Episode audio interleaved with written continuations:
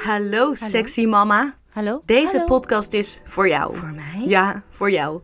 Ook als seks iets is wat ergens onderaan je things to do lijstje bungelt. Ik voel je vrouw. Mijn naam is Drees. Ik ben schrijfster en moeder van vier. En mijn wens is dat iedere vrouw, dus jij ook, in haar kracht gaat staan. Specifieker in je vrouwelijke sensuele kracht. In deze podcast begin ik bij mezelf. Ik ga onderzoeken hoe ik de magie van sensualiteit en seksualiteit weer terug kan vinden en terug kan brengen in mijn leven. Intiemer dan dit wordt het niet. Oh-oh. Ik ben er klaar voor. Denk ik. Ga je mee? Ik opende het berichtje. Wat een luxe dat je je hiermee kunt bezighouden. Daar zul je wel dankbaar voor zijn. Het was een reactie op een artikel dat ik had geschreven over seks. Over hoe je seksleven verandert, verdwijnt, maar ook weer terugkomt, als je kinderen krijgt. In dat artikel ging ik behoorlijk met de billen bloot over alles wat ik mooi en lelijk vond aan seks in het algemeen, met mijn Floris specifiek en al helemaal in combinatie met een gezin. Ik deel dit artikel, wat eerder is verschenen in Wilde Vrouw magazine, trouwens ook in een van mijn podcasts. Aflevering 1 om precies te zijn. Maar haar berichtje deed iets met mij. Het woordje dankbaarheid kon ik wel voelen. Ja, ik was dankbaar voor mijn lijf, dankbaar voor mijn gevoelens en dankbaar dat ik mij erover uit mocht spreken om hopelijk, inshallah, andere vrouwen te inspireren. Of in elk geval gerust te stellen dat zij niet de enige waren die seks soms maar een heel gedoe vonden. Maar het woordje luxe, daar wil ik het over hebben. Het klonk alsof het nogal, ja, alsof het nogal decadent was dat ik over seks schreef. Een linkse hobby, iets overdadigs. Misschien bedoelden ze het niet zo hoor, maar zo las ik het wel. Ik voelde me een beetje beschaamd. Hoe integer ik ook had willen zijn in mijn artikel, blijkbaar was het too much. Ik voelde me in elk geval te veel, te sexy, te open, te verwend. Wat een verwend nest was ik wel niet, dat ik zoiets op durfde te schrijven. En niet iets schreef over, weet ik veel, hongersnood, de oorlog in Oekraïne, vrouwenbesnijdenis, recessie, het coronavirus, abortuswetten, de bio-industrie, het klimaatprobleem. Het deed me denken aan het boek Pussy a Reclamation van Regina Thomashauer. Zij schrijft op pagina 1 van haar geweldige boek: I dedicate this book to the women who will never hear of it, never even imagine it. Women who are currently living in the darkest corners of the world, whether inner or outer, who cannot even dream of having the luxury Aha. to investigate the topics examined in the pages that follow. Like the butterfly effect, may these women somehow feel the impact of our love and devotion to all things woman.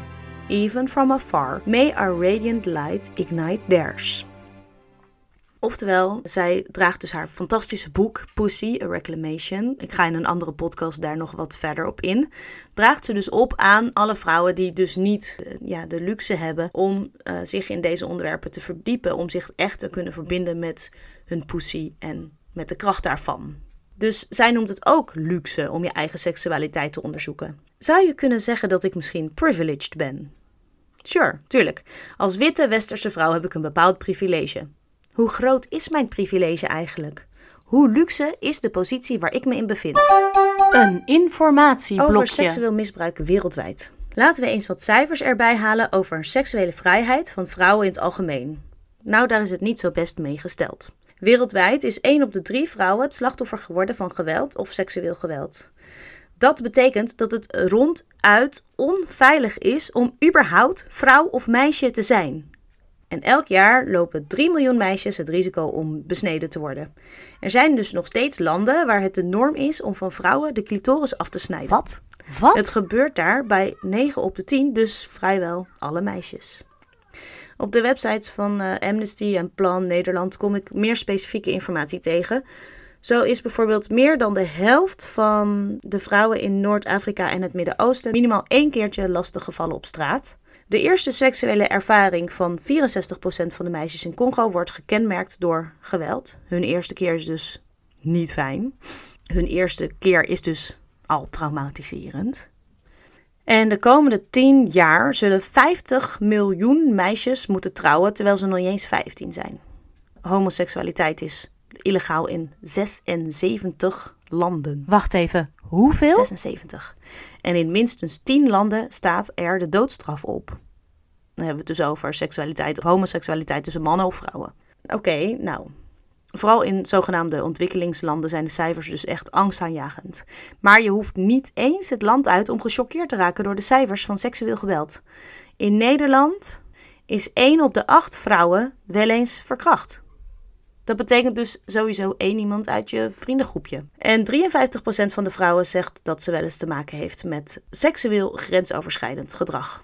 Meer vrouwen wel dan niet dus. Oké, seks is dus nog lang niet alleen maar fijn, liefdevol, krachtig, magisch en empowering. Integendeel, ik zou zeggen, des te belangrijk dat het dat wel wordt. Ik heb behoorlijk veel zelfbeschikking over mijn lijf. Ik kan het de aandacht geven die het verdient. Ik mag voelen wat ik voel. En in theorie kan ik het ongestraft doen met wie ik maar wil. Ik riskeer hooguit een fikse relatiecrisis. Maar ik ben niet in levensgevaar of, of uh, ik word niet gearresteerd of zo. Oh ja, en ook uh, mag ik erover schrijven zonder dat ik echt word gestraft.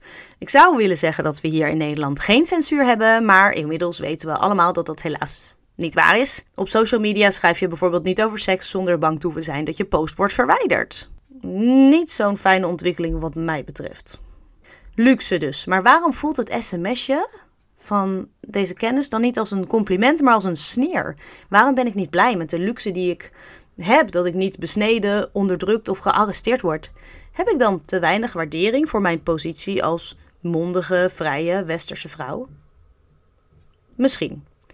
Maar misschien vind ik het mijn recht, niet meer en niet minder, mijn recht mijn recht om mijn eigen seksualiteit te beleven, te voelen en te onderzoeken. Om contact te maken met mijn eigen pussy, mijn power en mijn hart. Sterker nog, ik vind het mijn geboorterecht om van mijn eigen sappigheid te genieten. Om dit heerlijke lijf met haar goddelijke bergen en dalen te mogen voelen. Om ermee te dansen, om het te betasten. En om, als ik daar zelf zin voor voel, mij te openen voor een ander. Of juist niet, om de boel lekker gesloten te houden. Nu even niet. Overigens vind ik het ook mijn goed recht om me vetzagrijnig, bang of boos te voelen. Zelfs ondankbaar. Ook al zou ik daar volgens een ander, en ook trouwens volgens mezelf, dankbaar moeten zijn omdat ik geen seksueel geweld ervaar en geen honger hoef te lijden. Luister, seksuele energie is de basis van alles. Er is niks verwens of decadents aan. Wil je je levend voelen? Voel je lijf. Voel je joni. Voel je seks. Het is de basis. De cyclus die wij menstruerende vrouwen voelen, herinnert ons er elke maand, elke week aan hoe groot de invloed van ons seksuele gestel, onze voortplantingsorganen en bijbehorende hormonen op ons leven is. Het is er gewoon. Punt. Het bestaat. Bij jou, bij mij, bij alle vrouwen over de hele wereld. Het heeft impact. Een informatieblokje over de impact van seks. Over de macht van seks. En over hoe het eigenlijk kan dat mannen, maar ook vrouwen, zo bang zijn geworden van seks, van genot. Dat is historisch te verklaren. Tenminste, daar ga ik vanuit. Weet je wat? Ik ga er even lekker induiken en dan kom ik erop terug in een andere aflevering.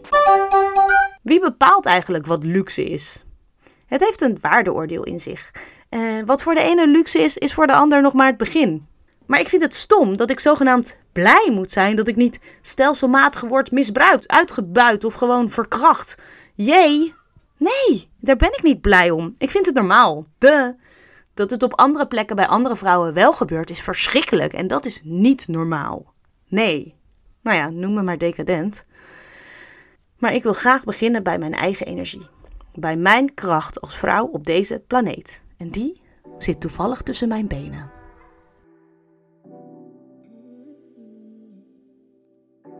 Dankjewel dat je hebt geluisterd.